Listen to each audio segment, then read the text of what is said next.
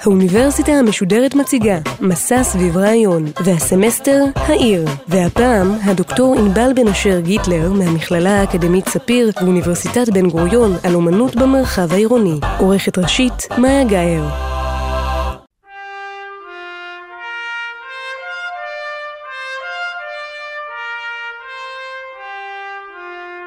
שלום, שמי ענבל בן אשר גיטלר, אני מרצה במכללה האקדמית ספיר וגם עמיתת הוראה באוניברסיטת בן גוריון בנגב. אני מרצה בתחומי האומנות והאדריכלות המודרנית ובהיבטים נוספים של תרבות חזותית ועיצוב.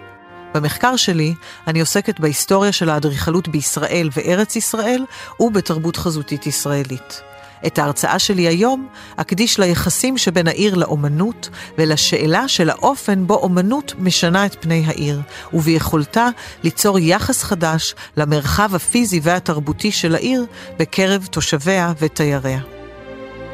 אומנות התקיימה בערים מראשית התפתחותן. אדריכלות, הנמנית על האומנויות היפות, כפי שמכנים זאת, היא כמובן חלק בלתי נפרד מהעיר.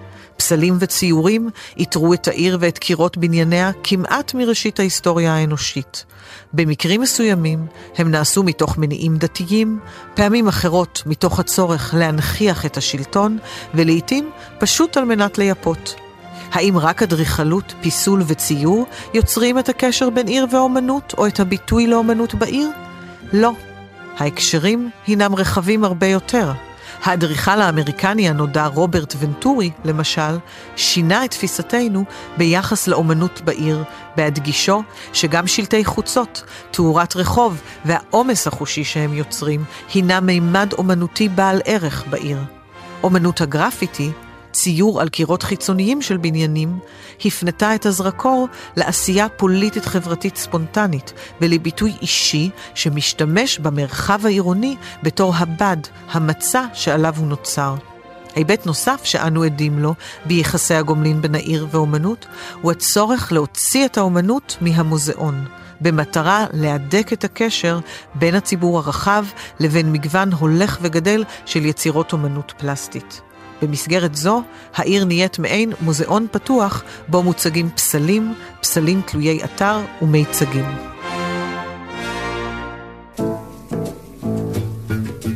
במאה ה-20 ובמאה ה-21 נהיו העיר והאומנות שזורות זו בזו יותר מתמיד, בעקבות התפתחותן המואצת של הערים לצד התפתחויות טכנולוגיות ותהליכי גלובליזציה.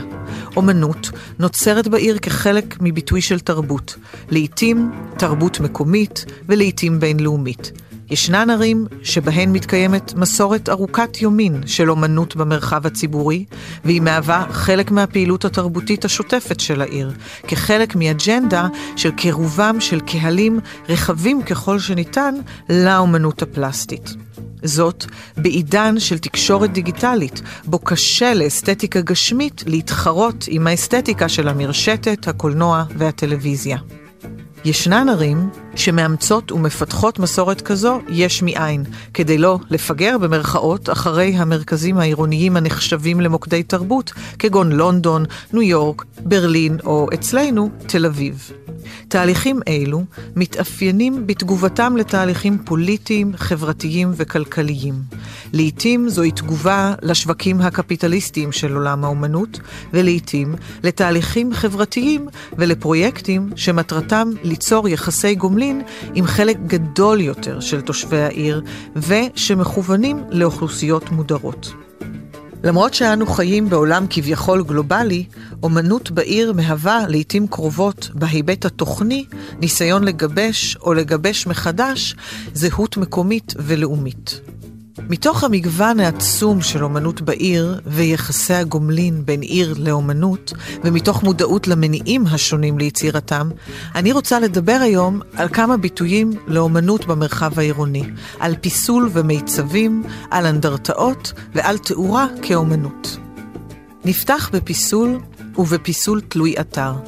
פיסול תלוי אתר מתוכנן כך שיש קשר תמטי וחזותי ישיר בינו לבין סביבתו. הוא מהווה מטאפורה, ובכך משליך גם על המרחב העירוני בו הוא מוצב.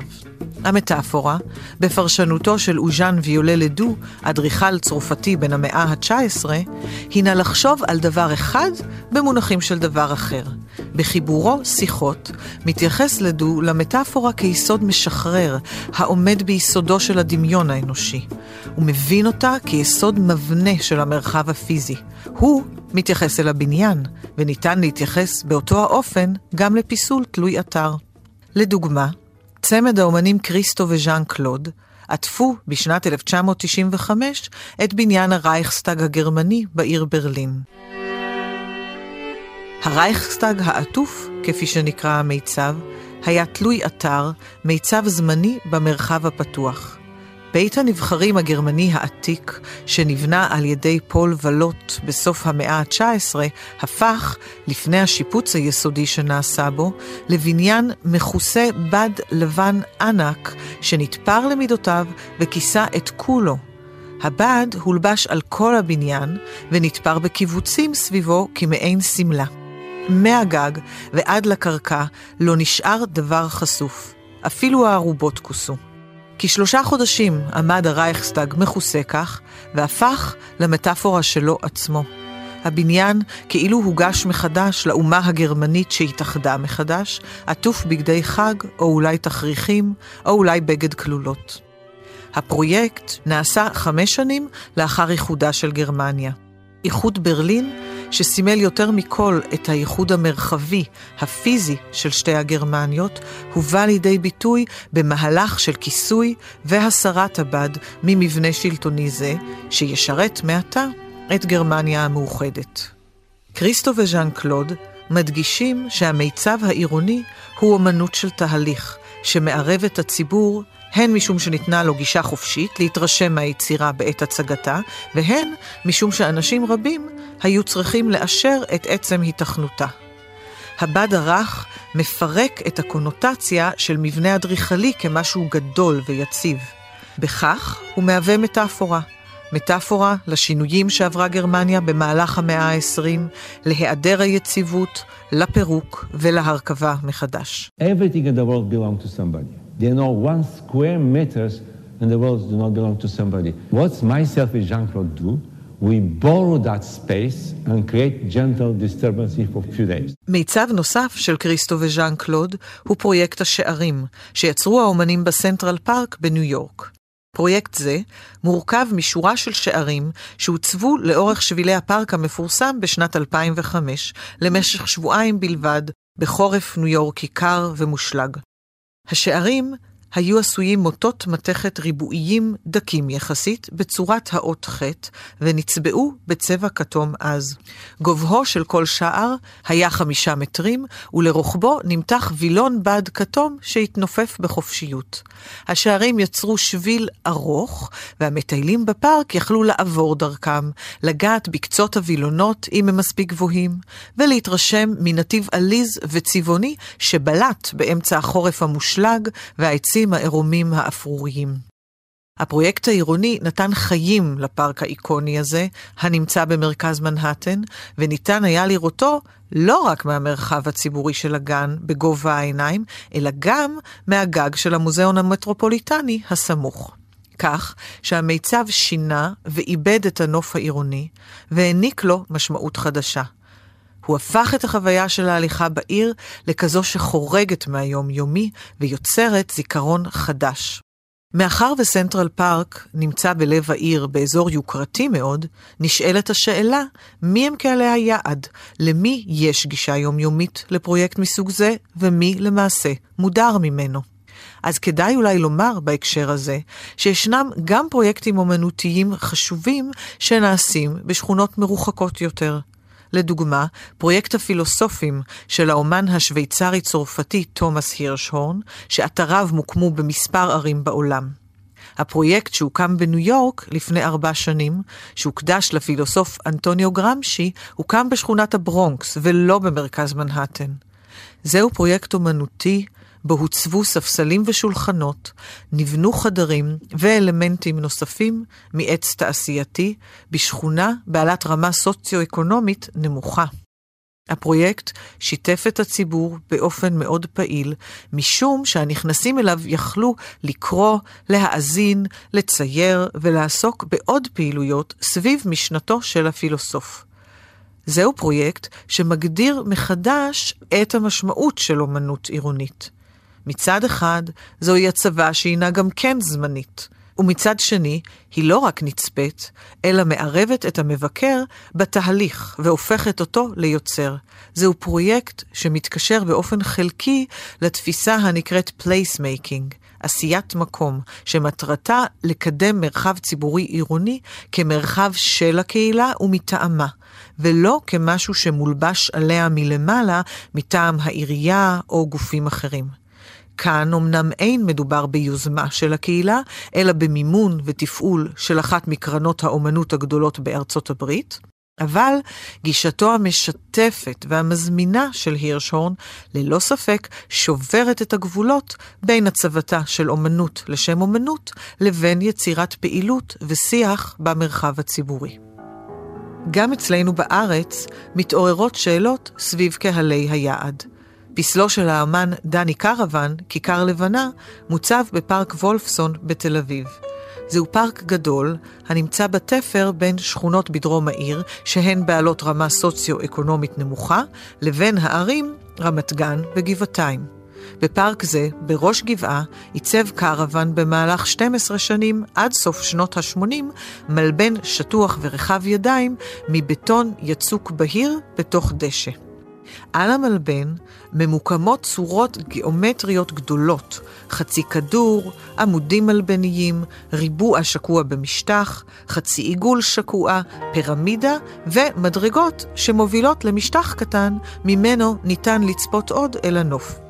הצורות מעוצבות עם חריצים, וניתן לעבור ביניהן, לגלות אותן, לטפס על חלקן, ולבחון דרך תנועת הגוף ברחבי הפסל את האינטראקציה שלו עם סביבתו. במרכז חצי הכדור, אפשר לקרוא לו גם כיפה חצויה, נטוע עץ זית. בנוסף לבטון וזכוכית ומים, קרוון מציין כחומרי הפסל גם את הדשא, הזית, הרוח והשמש. הפסל נצפה ומהווה נקודת תצפית כאחד, כך שגם הפסל הזה הוא תלוי אתר ומקיים קשר הדוק עם הטופוגרפיה. העובדה כי ניתן לטייל דרכו ולשחק בו משנה את החוויה העירונית והקשר שנוצר בין הצופה למקום. כשאני מזמינים ממני, אני בא למקום ואני משתדל להקשיב ולהבין מה המקום הזה רוצה. מה המקום הזה מוכן לקבל, ואז מיד אני הולך ועושה מודל, ואני מחפש את הרעיונות בתוך המקום הזה. ואז אני גם חוזר למקום ורואה אם באמת הרעיונות שלי הם עובדים. מבחינה מטאפורית, אם לחזור להגדרותיו של לדו, הפסל מהווה מטאפורה לעיר הלבנה, לתל אביב בראשיתה. הזית, הדשא והאלמנטים האטמוספריים שבפסל מהווים מטאפורה לאקלים ולצמחייה בארץ ולאור הים תיכוני הבוהק. הצורות הגיאומטריות הנקיות מוכרות לכולנו כחלק בלתי נפרד מהאומנות המודרנית של המאה ה-20, ובפסל זה הן מהוות הד לשפה הצורנית המינימליסטית של שנות ה-60. כמטאפורה, הן מתייחסות למסורות אדריכליות מקומיות. לדוגמה, הכיפה, שקשורה לבנייה עתיקה ולמבני דת בארץ, או הריבועים שמאפיינים את העיר הלבנה המודרניסטית של תל אביב. האם המרחק בין השכונות המוזנחות והמגדלים הצומחים סביבן, לבין הפינה הזו בטבע, שמציגה יצירת אומנות מכלילה המשתפת את באיה, נותנים נקודת מבט חדשה, ביקורתית יותר על העיר? האם הם מחזקים את הקשר של הקהילה עם סביבתה? אלו הן כביכול שתי תוצאות שונות של האינטראקציה עם יצירת האומנות, אך נראה כי מגוון הפעולות החושיות שהפסל מציע באות לעורר בדיוק את זה, מבטים שונים ודרכי היקשרות מגוונות אליו ואל סביבתו. אני רוצה לקחת אותנו עכשיו לסוג אחר של פיסול תלוי אתר, לפיסול של אנדרטאות זיכרון. לנושא של עיצוב הזיכרון במרחב הציבורי הוקדש מקום משמעותי במחקר בשנים האחרונות. יחסן של אומות אל חלליהן עבר שינויים משמעותיים. האומנות הפכה למופשטת הרבה יותר, וטרגדיות בממדים חדשים, כמו שתי מלחמות העולם שהתרחשו במאה ה-20, לעתים קרובות הותירו את הגופים הציבוריים המזמינים אנדרטאות ואת האומנים עצמם עם סימן שאלה גדול לגבי איך נותנים צורה פיזית נתפסת לטרגדיות ואובדן שהם בלתי נתפסים. אם בעבר מלחמה הונצחה על ידי תיאור המנהיג רוכב על סוס ותיאור החיילים הגיבורים אוחזים בנשק, בסוף המאה ה-20 עבר הדגש לתיאור קורבנות ושכול ולקריסה של ההבחנות המסורתיות בין מנצחים ומנוצחים. כך לדוגמה, אם נשתמש בדוגמה נוספת של האומן הישראלי דני קרוון, אנדרטת הנגב שלו, המוצבת בשולי העיר באר שבע, הייתה, כשהוקמה בשנות ה-60, מהאנדרטאות הראשונות שעשו שימוש בשפה מופשטת על מנת להנציח חללי מלחמה, ובכך הייתה פורצת דרך. האנדרטה מנציחה את חללי מלחמת העצמאות שלחמו בחטיבת הנגב על כיבוש העיר באר שבע. כמו הפסל כיכר לבנה, היא תלוית אתר ותוכננה כמוקד וגם כנקודת תצפית לעבר העיר, בהתאם לגבעה עליה היא מוצבת. כמו כיכר לבנה, היא עשויה מאלמנטים של בטון בעלי צורות מופשטות, כאשר עצי השיטה, מים ורוח מהווים גם הם חלק מהיצירה האומנותית. האנדרטה מתייחסת למלחמה, לגיאוגרפיה של המדבר בו התרחשה, ולחלליה בצורה מרומזת ומטאפורית, כאשר הסיפור מסופר בכמה נקודות במתחם הפסל, ועל אחד מקירות הבטון חרוטים שמות החללים. לא ניכנס לתיאור מפורט של הפסל, אני מזמינה אתכם לבקר בו או באתר המרשתת של דני קרוון לצורך כך, אלא נתהה רגע על תפקידו והשתנותו של הזיכרון. השימוש באמנות מופשטת יוצר זיכרון שניתן אולי לומר שהוא פרטי יותר. החיבור של האנדרטה לסביבתה המדברית והעירונית נותר פתוח לפרשנויות. הבחירה של ההיכרות עם החללים וסיפורי הקרב נותרת רובה ככולה בידי המבקר. אין כאן דמויות מפוסלות, אין טנקים או רובים, זאת ועוד, האנדרטה הפכה ברבות השנים למקום שיוצר מקום, לחלק בלתי נפרד מעשיית המקום של באר שבע. בעבר היא הייתה מחוץ לעיר, והתפשטות העיר עד אליה שינתה גם היא את יחסי הגומלין בין העיר והאומנות. כיום האנדרטה עדיין בשולי העיר, אך כבר חלק ממנה. היא מהדהדת את הבטון של באר שבע ומהווה אתר לתצפית, משחק חווייתי על האלמנטים הפיסוליים שלה, מקום מפגש, מקום בו נוצרים זיכרונות חדשים ואישיים, המנותקים לעיתים קרובות ממטרת ההנצחה הראשונית של המקום. זהו מאפיין בולט ומכוון של האנדרטאות החדשות, שמוקמות כחלק מהאומנות של העיר. העיר מספרת סיפוריה דרך אומנות ההנצחה, אך גם מאפשרת ליצור סיפורים חדשים. ג'יימס יאנג, מהחוקרים החשובים של אנדרטאות כביטוי לזיכרון בתקופתנו, מתייחס לסוג חדש של אנדרטה, שהתפתח גם הוא בסוף המאה ה-20. האנדרטה שכנגד, כך הוא קורא לה. אנדרטאות אלו שקיומן הפיזי הוא מאופק ולעיתים הן כה מוטמעות בתוך המרחב העירוני עד שכמעט ולא מבחינים בהן. הן מעוררות דיון בשאלת האומנות כביטוי לזיכרון במרחב הציבורי. האם נכון לעמעם כך את האירוע או הקורבן אותו מנציחים? האם הן יכולות לעורר תגובה רגשית ולאתגר את המחשבה בעוצמה מספקת? האם אין כאן טשטוש של המאורעות וחלליהם? מה שאינו מוטל בספק הינה העובדה שאנדרטאות מסוג זה, הנעשות בדרך כלל על ידי אומנים ידועי שם, מציגות יחסי גומלין חדשים בין העיר לבין האומנות, בין ההולכים בעיר לבין החוויה הרגשית שהאומנות מספקת להם. בגרמניה ובאירופה בכלל, הוקמו כבר לא מעט אנדרטאות חשובות בסגנון זה לזכר קורבנות השואה. דוגמה מיוחדת מאוד, ואחת היצירות החשובות בתחום זה, הינן מרצפות המהמורות, השטולפרשטיין, של האומן הגרמני גונטר דמניג. אלו הם ריבועי ריצוף מוזבים, אותם החל דמניג להתקין בשנות ה-90 של המאה ה-20, על מדרכות ברחבי אירופה, ליד כל בית ממנו גורשו יהודים או קורבנות שואה אחרים, שהובלו למחנות ריכוז והשמדה. על כל מרצפת מוזהבת מצוינים שמות הדיירים ותאריך הגירוש, והיא בולטת קצת מעל פני המדרכה עצמה, כך שהיא יוצרת מהמורה. מצד אחד, בשל בולטותה, קשה להתעלם ממנה. היא משנה את ההליכה וגורמת להולך להתחשב בה. מצד שני, היא ממוקמת על אדמת העיר, היא קטנה ומהווה חלק מהמדרכה, ומיקומה אינו צפוי. המרצפות הללו, השטולפרשטיין, מדגימות באופן מרשים את מושג האנדרטה שכנגד. הן אינן מוצבות במוקד עירוני כמו כיכר, גבעה או מרכז תרבותי, הן אינן מפרסמות את עצמן. המרצפת היא מעשה אומנות שהופך לחלק בלתי נפרד מהעיר. היא נצפית במקומות מגוונים, במדרכות של שכונות עירוניות שגרתיות. זוהי אנדרטה שנמצאת בשום מקום, אבל בכל מקום.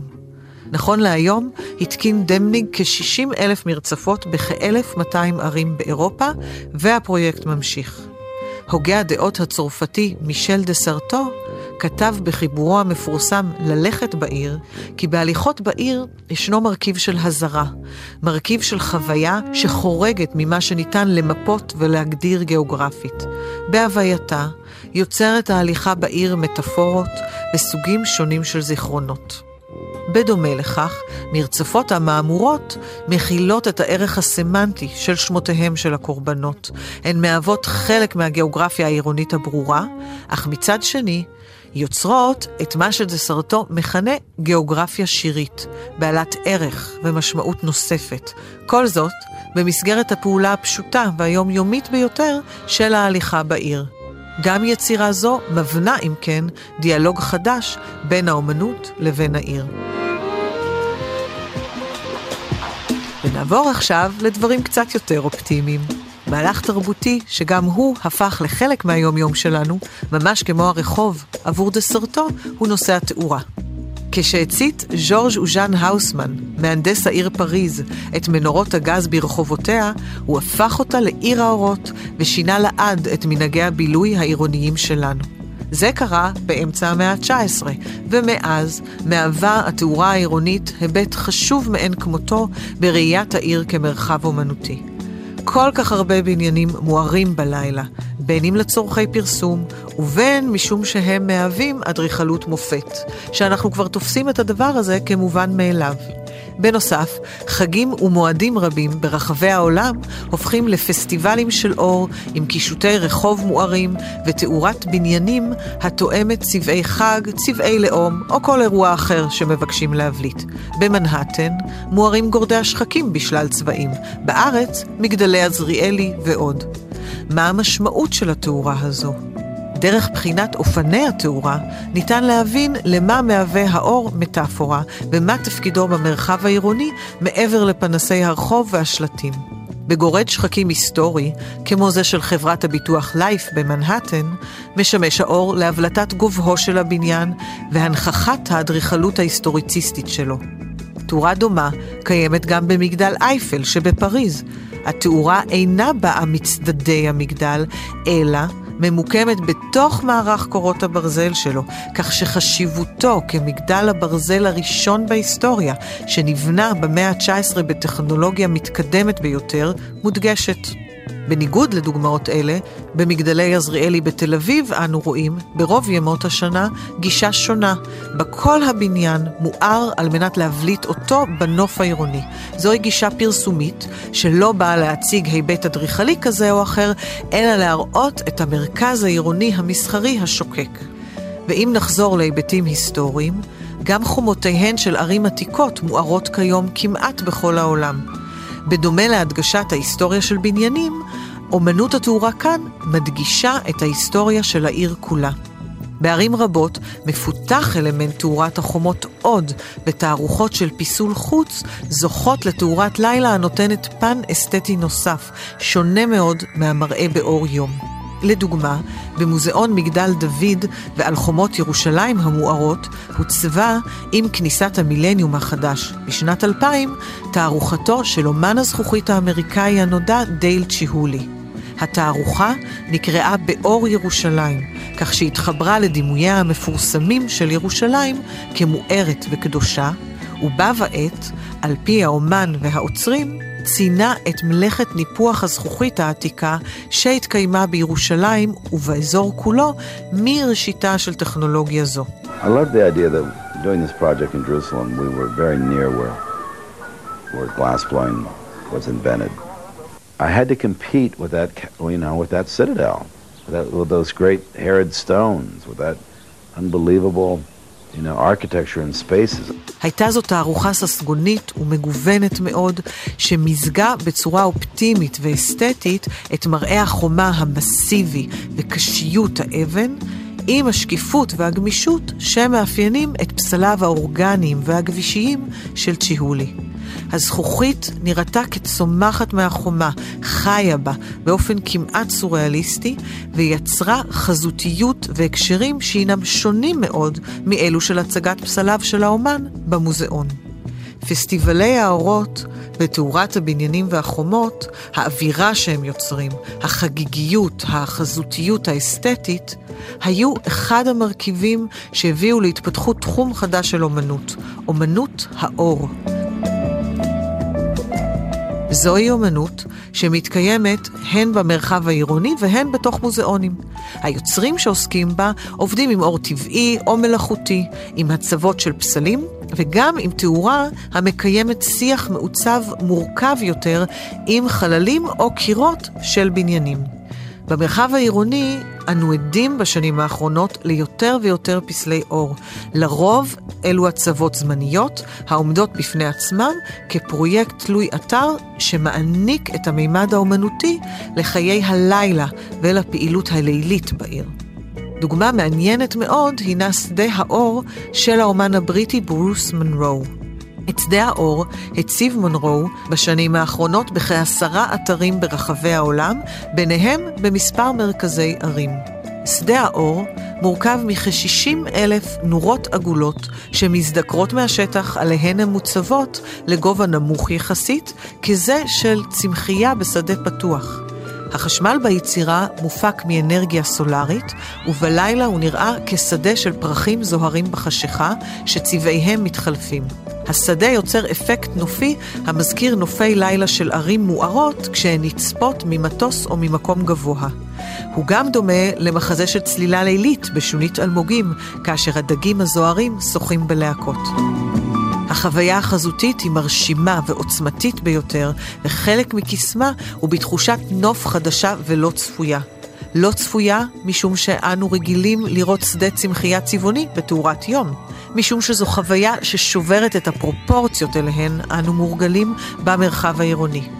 הראייה השגרתית של אלפי אורות קטנים כייצוג של בניינים, פנסי רחובות וכלי רכב ממרחק גדול וממבט על, מעובדת ביצירה של מונרו למשהו שמתקיים במרחב שסובב את המבקר ועוטף אותו. בכך, מהווה היצירה שדה אור דוגמה לחיבור הרמוני מאוד בין העיר לבין האומנות. השדה אם נתייחס אליו כמטאפורה לנוף העירוני הלילי, מנכיח עבורנו את הנוף הזה ומזקק אותו לאלמנט אומנותי שפרוס בפנינו כחלק מהמרחב הנגיש והקרוב שבתוכו מתקיימים החיים העירוניים. בתוך כך הוא מצהיר על מרכזיותם של חיי הלילה בתרבות העירונית. הוא מציע לאנשים לצאת, להתהלך ולחוות את העיר גם בלילה, אבל לא דרך העיסוקים העליליים השגרתיים והמוכרים יותר של פנאי או עבודה. לסיכום, ראינו שהשילוב בין העיר והאומנות והצבתה של אומנות במרחב העירוני מוציאים את האומנות מהמוזיאון והופכים אותה לנכס ציבורי נגיש הרבה יותר. המשמעות של יצירת האומנות תלוית האתר, בין אם זהו מיצב, אנדרטה או עיבוד של המרחב העירוני בעזרת תאורת לילה, מעניקה משמעות חדשה, הן ליצירת האומנות והן לעיר. היא גורמת לנו לעצור ולחשוב. היא בעלת מימד מטאפורי שקושר זיכרונות עבר אל ההווה. ודרך חוויות חושיות יוצרת זיכרונות חדשים. אומנות גם תורמת לתחושת השייכות של התושבים לעירם. ככל שערי העולם נהיות גדולות יותר, וככל שאוכלוסיית העולם הופכת עירונית יותר, יחסי הגומלין בין האומנות לבין העיר הופכים משמעותיים ובעלי יכולת להשפיע על תחושת החיים בערים ועל האופן בו אנו חווים הן את התחנות השגרתיות ביומנו והן את האירועים הייחודיים יותר בהם.